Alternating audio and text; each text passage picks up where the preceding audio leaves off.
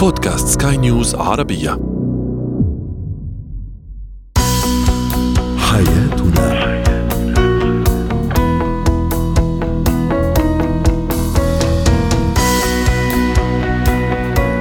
أهلا بكم مستمعينا الكرام إلى حياتنا برنامجكم اليومي الذي يعنى بشؤون الأسرة وباقي الشؤون الحياتية الأخرى والذي يمكنكم متابعته على بودكاست سكاي نيوز عربية. معي أنا طيبة حميد.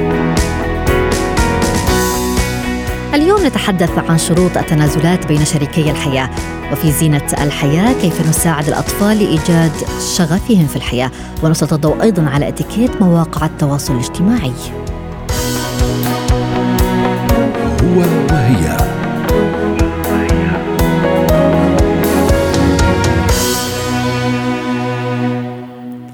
الحياة بين شريكي الحياة تحتاج الكثير من التفاهم والتقدير وأيضا فهم واحترام رغبات وخيارات الطرف الآخر. ولكن عادة ما تبدأ هذه العلاقة لدى البعض بطلب تقديم التنازلات ومحاولات تغيير كل طرف ليناسب تطلعات الطرف الآخر. وقد يصل الأمر حتى إلى قائمة من الطلبات لمناقشتها مع الشريك. وطبعا يصحب هذه القائمة محاولات الإقناع لتحقيق الاستجابة السريعة. ولكن إلى أي مدى هذه التنازلات صحية؟ وكيف ستؤثر على العلاقة بين الشريكين فيما بعد؟ هذا ما سوف نناقشه مع الخبيرة النفسية والأسرية لما الصفدي. أهلا بك أستاذة لما معنا ضمن حياتنا. يعني عند بداية العلاقة بين الشريكين قد نجد بالفعل هذه المحاولات. يعني عدة محاولات قد تظهر على السطح لإقناع الطرف الآخر برغباته أو حتى تقديم بعض التنازلات. كيف يجب أن يتم هذا الموضوع؟ أو كيف يمكن أن نعرف فكرة التنازل؟ وإذا ما كان هناك شروط معينة معينة لهذه التنازلات؟ صحيح وهذا الموضوع المهم بأنه نحن نعرف فكرة التنازل. عادة أحيانا التنازل بيكون الصوت الداخلي اللي أنا موجود اهتم فيه أو اهتمي فيه. أحيانا بيكون رغبة بالتملك والإحساس بالآخر هو فعلا ممكن ينفذ الأشياء اللي بيطلبها. ولكن كل تنازل له حد أحمر لأنه أحيانا نحن في عنا مفهوم جدا مهم يسمى الاستحقاق الذاتي. الاستحقاق الذاتي عندما ينفقد الاستحقاق داخل كل إنسان على الأشياء اللي هي من الأساسيات بالحياة ويبدأ يتنازل عنه حتى قيمته الذاتية بيخسرها. وهذا بيظهر حتى عند الشريك بأنه الشريك يبدأ يعني التقليل من قيمته وقدره. نحن بنشوف كثير بالعلاقات المستمرة خصوصا بالعلاقات الزوجية اللي بتستمر فترات. يعني بعد فترة طويلة بتقول الزوجة بأنه أنا مثلا ما بيتم الاهتمام في الاحتفال بمناسبات ممكن تدخل زوجة ثانية على الطريق. فبيكون السبب من البداية أنه هي تخلت عن استحقاقها الذاتي فالآخر ما قدر هذا التخلي على أنه تنازل من أجل الحب. قدروا على أنه هي شخصية غير مكتملة غير واعية ما عندها مقومات واستغل هذا الشيء. لصالحه. فالموضوع التنازلات يصبح خط أحمر عندما نفقد الاستحقاق الذاتي تجاهه. هل هناك شروط لأي تنازل؟ بمعنى يعني البعض قد يطلب من شريك الحياة بعض الأمور. هل إذا كانت هذه الأمور مثلا تمس شخصية هذا الشخص أو تمس حريته في الاختيار هل هنا يجب رفض تقديم هذه التنازلات؟ صحيح. التنازلات تعطى وأكيد تعطى بكثرة في الحياة الزوجية وما بين أي شريكين وهذا طبيعي وممكن يكون في مرونة وتأقلم ولكن تتوقف التنازلات عندما تصبح على حساب سعادة الآخر. يعني لما شخص بيطلب من الآخر يتنازل عن حقوقه بالحياة عن مساحة الحرية اللي له عن أحلامه يتنازل عن أشياء كثير وهو يشعر بأنه الآخر أصبح شخص تعيس وهو مستمتع بهذه التعاسه، مستمتع بأنه الآخر تعيس، فهنا هذه التنازلات أصبحت تملك وأصبحت جدا مؤذية للآخر. النقطة الثانية لما بتكون هي التنازلات فقط من طرف واحد يعني بالعلاقة. دائما نحن بنشوف ممكن يكون الزوج كل حياته بتتنازل والزوجة لا أو العكس صحيح. فإذا هو تنازل مشروط لأنه شخص واحد الذي يقدم التنازلات والآخر يتحفظ على كل الأشياء على اعتبار أنها حقي. وهي مسؤوليتي. هون كمان هذا الموضوع ممكن يكون أذى كبير للشريكين جميل. يعني هناك أشخاص قد يقدمون مثلا تنازلات خاصة يعني في بداية العلاقة في مرحلة التعارف مثلا ولكنهم هم غير مقتنعين فيها. هي مجرد يعني يقومون بهذه التنازلات لإرضاء الطرف الآخر. في هذه الحالة وبعد سنوات كيف ستؤثر هذه التنازلات على الحياة بينهما؟ هي بركان متقد سينفجر بعد عدة سنوات وهي اللي أنا عم بشوفه باستشارات. كل يوم أشخاص بقرروا ياخذوا قرار بالانفصال بعد 20 سنة زواج 25 15 سنة زواج. والسؤال المهم اللي بينطرح أستاذ عليهم إنه ليش اليوم؟ فبتقول أنا انفجرت أنا خلص صبري أنا طب ليه؟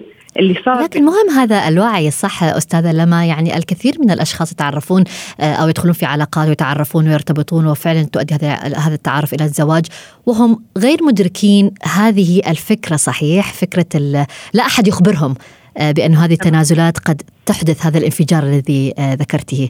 أحيانا يكون الإنسان بعشقة الحياة اليومية بهمومه بتفاصيله والمسؤوليات.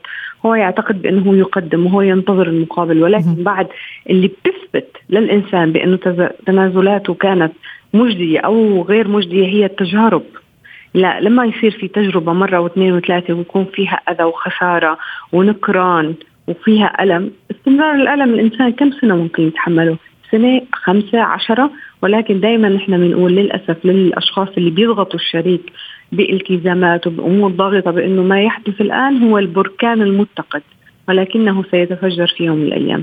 يعني مشان هيك نحن دائما النصيحة اللي بنحكيها بأنه مهما أنت كشريك كنت مستمتع بأنه الآخر يتنازل وبالتلقائية وهو مبسوط أو يدعي السعادة وأنت سعيد بالنتيجة هي نتيجة مؤقتة وما بعدها هو الأصعب.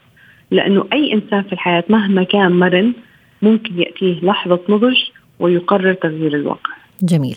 يعني هي فكرة التنازلات تأتي كمحاولات تغيير آه، كل طرف آه، ليناسب أفكار ومعتقدات الطرف الآخر آه، في العلاقة يعني أو لكي يناسب أهواء هذا الشريك. هل هذه المحاولات لتغيير طباع الشخص لتغيير يمكن طريقة عيشه وما إلى ذلك هل هذه المحاولات صحية أم يجب بالفعل أن نتقبل كل شخص كما هو وأن يكون هناك حدود لهذا التغيير أو لهذا التنازل.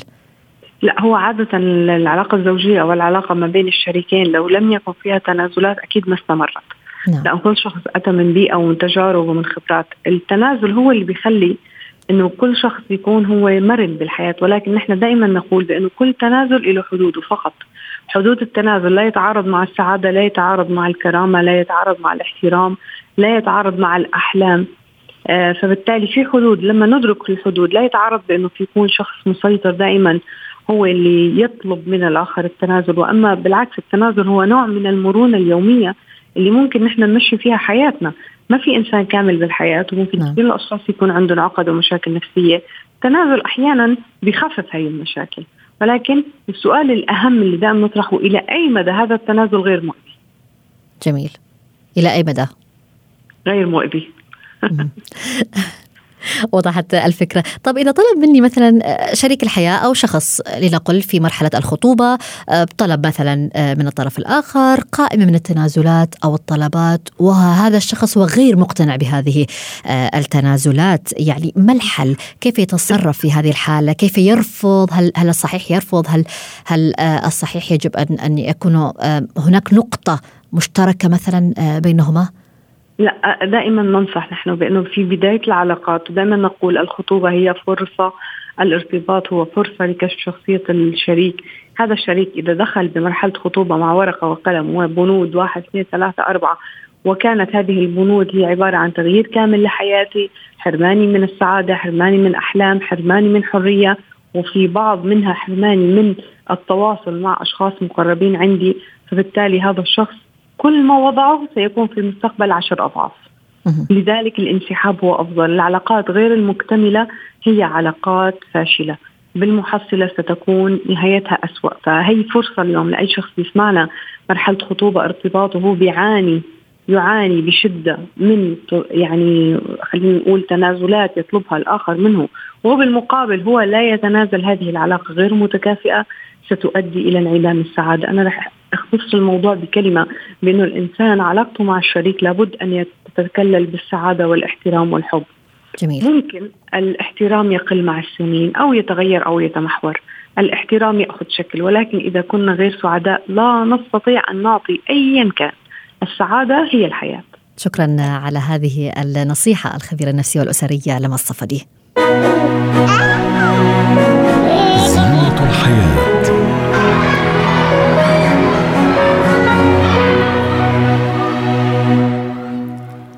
شغف الحياة من الأشياء التي قد لا يعرفها كل منا بسهولة ولكن إن وجدناه فهو يدفعنا إلى الأمام بالتأكيد كما أنه يجعل الإنسان يحيا حياة مشرقة بها أمل طموح أهداف تتحقق أيضا.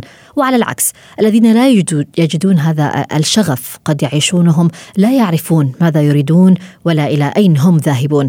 لذلك فإن اكتشاف الشغف منذ الصغر ومنذ الطفولة هو من أفضل الأشياء التي يمكن أن يقوم بها الأهل لأبنائهم. فما هي الأساليب التي تساعدنا بالفعل على اكتشاف شغف الأبناء؟ هذا ما سوف تحدثنا به الخبيرة التربوية هبة شركس. أهلا بك أستاذة هبة. يعني من الوارد جدا أن لا يكون لدى طفلي هواية معينة أو رغبة معينة تجاه شيء ما. كيف يمكن أن أبحث وأكتشف رغبة طفلي وفي أي مرحلة عمرية بالذات؟ آه، هو طبعا إن إحنا نكتشف شغف الأطفال لازم نعرف بعض الحاجات الأساسية. أول حاجة إن الشغف ده عملية متجددة آه بيتبنى عليها الشغف. يعني إيه الكلام ده؟ يعني مثلا ممكن ألاقي طفلي شغوف في بداية حياته بإن هو يلعب مع أطفال وما بيحبش يقعد لوحده ودايما عايز يفتح الباب ويطلع ويقابل ناس ويشوف ناس وكده. وقدام شوية لما يكبر يبدأ يبقى عايز يقابل ناس عشان يلعب معاهم كورة. وبعدين يجي يكبر بعد شوية ونلاقي إن هو بيهتم بالمجال الرياضي بشكل عام وبيسيب الكورة وبيروح مثلا ناحية سباقات أو ركض أو حاجة لها علاقة بالرياضة. وبعدين بعد شوية يكبر شوية فلاقيه هو بدأ مع اهتماماته الرياضية إن هو يهتم بالحيوانات. وبعدين أنا بسيبه إن هو يلعب مع الحيوانات وبصطحبه آه علشان يشوف الحيوانات آه ولو عندي قدرة إن أنا أقتني حيوان أليف أو أحد الأصدقاء عندهم حيوان أليف فبيروح يزوره. فبعد شوية ألاقيه بقى هو بيحب يركب خيل. ويبدأ يحط بقى كل الخطوات اللي فاتت دي إن هو عايز يركب خيل. ويبدأ فعلا يبان ويتبلور شغفه إن هو عايز يركب خيل. وممكن بعد كده هو يقدر إن هو فعلا يكون له مكا مكانة في مجال ركوب الخيل أو ممكن يكون عقليته تجارية فيحب إن هو يعمل مشروع يكون مبني على رعاية الخيل أو على تجارة الخيل أو شيء من هذا القبيل. يبقى هو شغف الإنسان يتغير صح؟ بيتغير في نفس المسار. يعني هو بيبدأ يعمل كأنه بيكتسب مهارات تؤهله لشغفه. كيف يستطيع الأهل يعني مساعدة الطفل في هذه المراحل مراحل التغيير للوصول إلى ما يرغب به عند الكبر؟ آه آه التعرض إن هو الطفل يجرب حاجات كتير جديدة ونشوف هو إيه الحاجات اللي بي بيرغب يفتكرها وبيرغب إن هو يكمل فيها آه الأهالي دايما بيعيقوا اكتشاف الشغف بإصرارهم على استكمال ما بدأوا الطفل يعني مثلا أنا دخلت طفلي في نشاط في حساب آه رياضي مثلا رياضيات أقصد منطقي مهارات منطقية ورياضية. وفي أنشطة زي كده كتير. ابني بعد ما حصل على ليفل 1 و2 و3 وكان من المتفوقين وترشح لمسابقة عالمية وكذا آه لقيته زهد في هذا النشاط. بس أنا علشان شايفة إن هو عنده مكانة في هذا النشاط مصره إنه يكمل فيه. فبقفل أبواب ال ال الشغف وبقفل آه أبواب التجربة لمجالات أخرى علشان يتكون عشان التجارب المختلفة بتتركب فوق بعضها علشان توصلنا للمسار اللي إحنا ممكن نكون آه موجودين فيه. يعني أستاذة هبه يعني أيضا في بعض الأحيان نجد مثلا الأشخاص أو المراهقين أو عند الاقتراب مثلا من مرحلة الجامعة عندما نسألهم عن رغباتهم وميولهم حتى الدراسية يقولون لا نعرف بعد. كيف يعني نحن نحاول أن نسقل لديهم الموضوع ونبني هذا الشغف ليصلوا لهذه المرحلة العمرية وهم يعرفون ماذا يريدون وأين يتوجهون؟ وأنا عايزه أقول حاجة مهمه قوي للاهالي وللابناء في المرحله العمريه دي. عايزه أقول لهم ان عادي جدا ان انت تبقى لسه ما حددتش مصيرك وان انت ممكن تبدأ تدرس حاجة وممكن تغير التخصص بتاعك ممكن تغير الميجر بتاعك أثناء ما انت في المرحلة الجامعية لأنك ما زلت في رحلة اكتشاف الذات. وكتير مننا غير ممكن كمان التخصص بتاعه بعد ما خلص بعد ما خلص الدراسة الجامعية ممكن يكون غيره في الدراسة ما بعد الجامعية زي الماجستير والدكتوراه ممكن يكون درس تخصص ثاني يعني نستطيع أن نقول إن هذا الأمر طبيعي وأنه لا يجب أن نكون آه. ليس بالضرورة أن نكون محددين ونعرف ماذا نريد فعليا. يعني يعني فكرة ال ال إن أنت بتحدد مصيرك دلوقتي وإن أنت لو اخترت اختيار غلط هيدمر حياتك. الهلع اللي بيكون حوالين اختيار التخصص الدراسي ده ليس له أي مبرر. ابدأ في حاجة أنت عارف إنك تقدر إنك تشتغل فيها وإن هي مناسبة لميولك. في اختبارات ميول على فكرة كتير جدا ممكن إن نعم. إحنا نعملها وتساعدنا في اختيار مش التخصص لكن آه الميل العام. يعني إن أنا ميلي مثلا منطقي ورياضي ودراسات معينة فهروح في اتجاه الهندسة وفي في اتجاه المحاسبة وفي اتجاهات معينة. نعم. ممكن ميولي إنسانية أكتر فمحتاجة أدرس أود هنا يعني أن أذكر نقطة آه، أستاذة هبة وباختصار آه، يعني لضيق الوقت. بعض المشكلات التي تواجه الآباء مع الأبناء هي عدم موافقتهم على شغف الحياة الخاص بأولادهم. يعني يمكن أن يتمثل هذا مثلا الشغف في هواية ما يرفضها الأهل بالفعل. ما التصرف الصحيح في هذه الحالة؟ باختصار. التصرف الصحيح إن إحنا نقول للولاد في فرق ما بين الهواية وما بين الدراسة. يعني ممكن ابني بنتي مثلا تكون حول بتحب ال make up فانت عندك ميول فنية. ادرسي حاجة لها علاقة بالميول الفنية بس دراسة تكون لها بعد ولها عمق تصقل آه، موهبتك وشغفك وامشي في الخطين لغاية لما تشوفي نفسك هتستقري في أنه مركبك هتستقر بيكي في أنه آه، اتجاه. ادعموا ولادكم باستمرار آه، بالتوازي مع إن هم يشوفوا مستقبلهم. ما تتخيلوش إن الهوايات عكس مستقبل الولاد لا كتير جدا من الهوايات اللي لعبناها ومارسناها وإحنا صغيرين نعم. ممكن تكون بتفيدنا لغاية النهارده في مهننا لأن تركيبة العقل متشابك مع بعضه وكل مهارة بنكتسبها بتفتح مسارات كتير جدا في العقل. شكرا لك الخبيرة التربوية هبة شركس. اتكات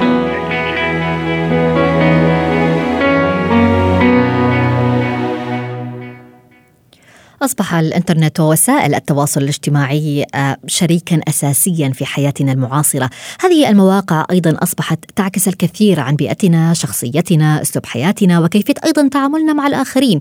هي أصبحت قادرة أن تضعنا في مشاكل مع الآخر أو العكس أن نبني صداقات وعلاقات اجتماعية جيدة.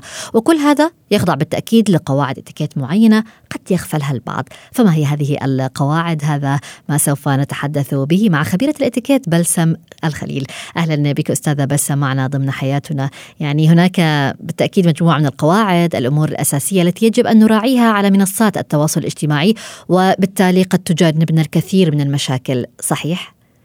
أكيد مية بالمية. طبعا مثل ما حضرتك تفضلتي وسائل التواصل صارت عم بتحل محل التلفزيونات يمكن. آه بقى آه صارت الصفحات مفتوحة. في عنا الحسابات مقسومين لقسمين عنا العام وعنا الخاص. الخاص بحط صورة عنده group معين بشوفه. لكن العام هو يعكس صورة الشخص ويعني تصرفات هذا الشخص. ويمكن بسبب ال social media أشخاص كنا بنفكر فيهم بطريقة غيرنا فكرنا بسبب الأشياء اللي بحطوها على ال social media. هلأ طبعا ال social media عدة وسائل للتواصل بس ده بما أنه عم نحكي على الإتيكيت الخطوط العريضة هي شو؟ الاحترام. احترام نفسنا واحترام الآخرين. إذا ما بدنا نجيب لحالنا وجع راس بدنا نعرف إنه الشيء اللي بدنا نحطه يكون ما يجيب لنا وجعة الراس لنا يعني يكون محترم يكون في أسلوب يكون في آه، طريقة بالتعاطي مع الناس اللي عم تقرانا والناس اللي عم بتشوف ال posting اللي عم نعمله طبعا. طيب يعني في حال مثلا المشاركة أو التعليقات اليوم أصبحت كبسة الإعجاب أو اللايك لها ألف حساب. آه، أيضا حتى ترك التعليقات آه، فكرة التعازي أو التهنئات على مواقع التواصل الاجتماعي كل هذا أو كل هذه الأمور تحكمها آه، قواعد إتيكيت. طبعا. خلينا نقول بالتعازي آه، ضربت على وتر زي ما بيقولوا لأنه للأسف للأسف نسينا الأصول المتعارف عليها وصرنا بنكتفي بكلام آه، بسيط جدا آه، ما يعني ما بتوصل ال message لصاحب العلاقة. بنشوف على الفيسبوك حالة كبيرة من يعني أوراق التعازي اللي بتنحط وبصير في عليها like بس السؤال للي عم يسمعونا. ال like على شو؟ على مضمون شو؟ نحن عم نقول حالة وفاة. هون من نحن ال like منه acknowledgement نحن بنقول like يعني أعجبنا بالمضمون. دائما بنقول إنه على لما نحط ورقه وفاة ما بنحط like بنحط حط الله يرحمه أو بنلجا لل inbox لحتى نحن نتع... نعزي بطريقة صحيحة أو نقلب للواتساب بطريقة خاصة. لصاحب العلاقة نعطيه كلام. يعني أكثر في خصوصية. إذا كنا من العامين آه، موجودين يعني بنعرف الشخص بس مش كثير على الأقل نقول الله يرحمه البقاء لله إلى آخره. بس ال like يعني هيدي من الأخطاء الشائعة نشوفها فعلا مأذية. يعني صاحب العلاقه بيقول like على شو أنتوا عم تحطوا. هلأ طبعا في حالات بيكون فيها فرح أكيد بنحط عليها like وممكن نعلق ممكن ما نعلق. كل ما بيكون الشخص اللي عم يعمل posting غريب ممكن نكتفي بال like وكل ما بيكون قريب نقلب إلى وسائل تواصل آه اجتماعية أخرى يلي فيها أكثر خصوصية إذا بدنا نزيد كلام لكن نعم. الكلام اللي بدنا نقوله نفكر فيه قبل ما نحط ال post يعني عنا كلمة حلوة نقولها ما عنا كلمة حلوة نحتفظ فيها لأنه للأسف تعكس شخصية الشخص وبصير في منبر طب في حال يعني آه، أستاذة بلسم مثلا كان هناك شخص آه، يقول رأيه في موضوع ما مثلا وهناك اعتراض على هذا الرأي أو شخص آخر آه، يود أن يناقش هذا الموضوع مع هذا الشخص طبعا عن طريق التعليقات وما إلى ذلك. هنا كيف يجب أن نتصرف أصول الأتيكيت؟ هل يجب احترام رأي هذا الشخص وعدم التعليق من الأساس أم في حال التعليق هناك حدود للموضوع؟ هناك حدود بطريقة التعليق يعني أهم شيء آه، احترام الشخص. نحن آه، ناس جايين من بيئات مختلفة وآراء آه، مختلفة بكافة شؤون الحياة يعني. لكن بدنا نحترم رأي غيرنا ليحترمنا. سو نحن بنقول مع احترامي لرأيك لكن هيك هيك هيك مثلا إذا عنده وقائع. أو إذا فعلا استفزوا يفضل إنه ما ننزل على مستوى آه تعليق مستفز حتى ما يعني نحن نجر إلى أماكن نحن ما بدنا إياها. هيدي كثير مهمة. وشفنا بالأحداث الأخيرة اللي صارت مؤخرا إنه ضد ومع والناس آه للأسف نعم. تشتم وما بيعرفوا إنه هيدا بس عم بضرهم إلهم. ما عم بضر طب في يعني حال مثلا أيضا لو تحدثنا عن قصص الإنستغرام أو الفيسبوك هذه القصص التي يتم وضعها لمدة 24 ساعة ومن بعدها تختفي نعم. هل هي تخضع أيضا لإتيكيت معين يجب مراعاته أم نعم. هو شيء خاص تماما بكل آه، شخص آه، لديه حساب مثل ما قلنا نحن إذا كنا بابليك بدنا نراعي إنه الكل عم بيشوفنا. لكن افترضي إذا نحن كنا بابليك وكنا بإجازة مثلا وحابين نورجي أصحابنا شيء خاص وهالجمهور اللي بتابعنا ما بدنا يشوف؟ في عنا خاصية friends only يعني بنكبس على خاصية يلي نحن بنتابعهم آه إذا كنا مثلا لابسين فيها بحر أو بأماكن معينة ما بدنا الجمهور. لكن دايما بنقول story كمان بدنا نراعي إذا كنا public يعني نحترم الباقيين. إذا كان في ظروف لا سمح الله حداد عام أزمة عالمية إلى آخره نحن عم نصور إننا مبسوطين وناكل ونشرب. كمان شو بيقولوا عنا؟ إنه هيدا الإنسان بلا احساس وعرض لكثير أشخاص بالأحداث الأخيرة اللي شفناها آخر شهر إنه لل unfollow في ناس كثير طلعت لأنه اعتبروهم منهم حساسين وما آه، فعلا هن بس بهمهم نفسهم يعني. نعم. story كتير مهمة وبرضه بتحكي شخصية الشخص. كل ما كنا محترمين الجمهور بيحترمنا. جميل. طيب إذا ما تحدثنا يعني حتى عن مجموعات الواتساب آه، هناك أيضا يعني قوانين لهذه المجموعات. إذا ما كنا نود أن نترك مجموعة معينة للواتساب هل نستأذن؟ هل نترك فجأة؟ كيف يتم نعم. الموضوع؟ آه، الواتساب مصيبة كبيرة لأنه للأسف إنه في ناس لنقول بدها تعمل دعوة بتروح بتعمل group ناس ما بتعرف بعضها تضيف أرقام على أرقام تمام. وإنت بتلاقي حالك بزحمة ناس شكرا ولا وفيني وما فيني وإنت ما لك علاقة. بنقول الواتساب بس للأشخاص اللي بيعرفوا بعضهم اعملوا group وإنت إذا بدك تنسحبي فيك تبعتي message لل administrator اللي عملت هي هيدي ال group تقولي لا سامحيني بس أنا آه، حأطلع من ال group لأنه ما بقدر يعني يضل عندي ما عندي وقت مثلا لهيك أشياء. أو مثلا افترضي دعوة على غداء أو مناسبة آه، تبعتي له message إنه أنا بعتذر ما فيني وحأطلع من ال group لأنه ما حكون معكم لكن بدنا نقول للجميع حتى الواتساب group أو غير group له وقت للتواصل. الباكر جدا والمتأخر جدا. إذا ما في حالات طوارئ لا يجوز وخصوصا الإنسان اللي بضله فاتح تليفونه ما حطه سايلنت تصور الساعة 2 بالليل عم يبعثوا لك أخبار وصور ومدري شو وتفيقوك من النوم. نعم. أو الفجر بكير مثلا واحد بعد ما نام وعباله يبعث شيء فيه هزار أو مزح. ما بصير له أصول والكثره والأخذ والعطاء كمان الوقت ثمين. نعم. يا ريت الكل بيحترمه يعني. شكرا لك على هذه النصائح خبيره الإتيكيت بلسم الخليل. حياتنا.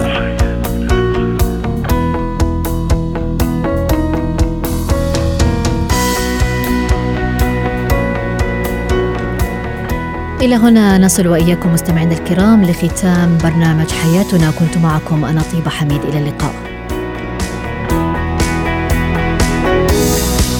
حياتنا.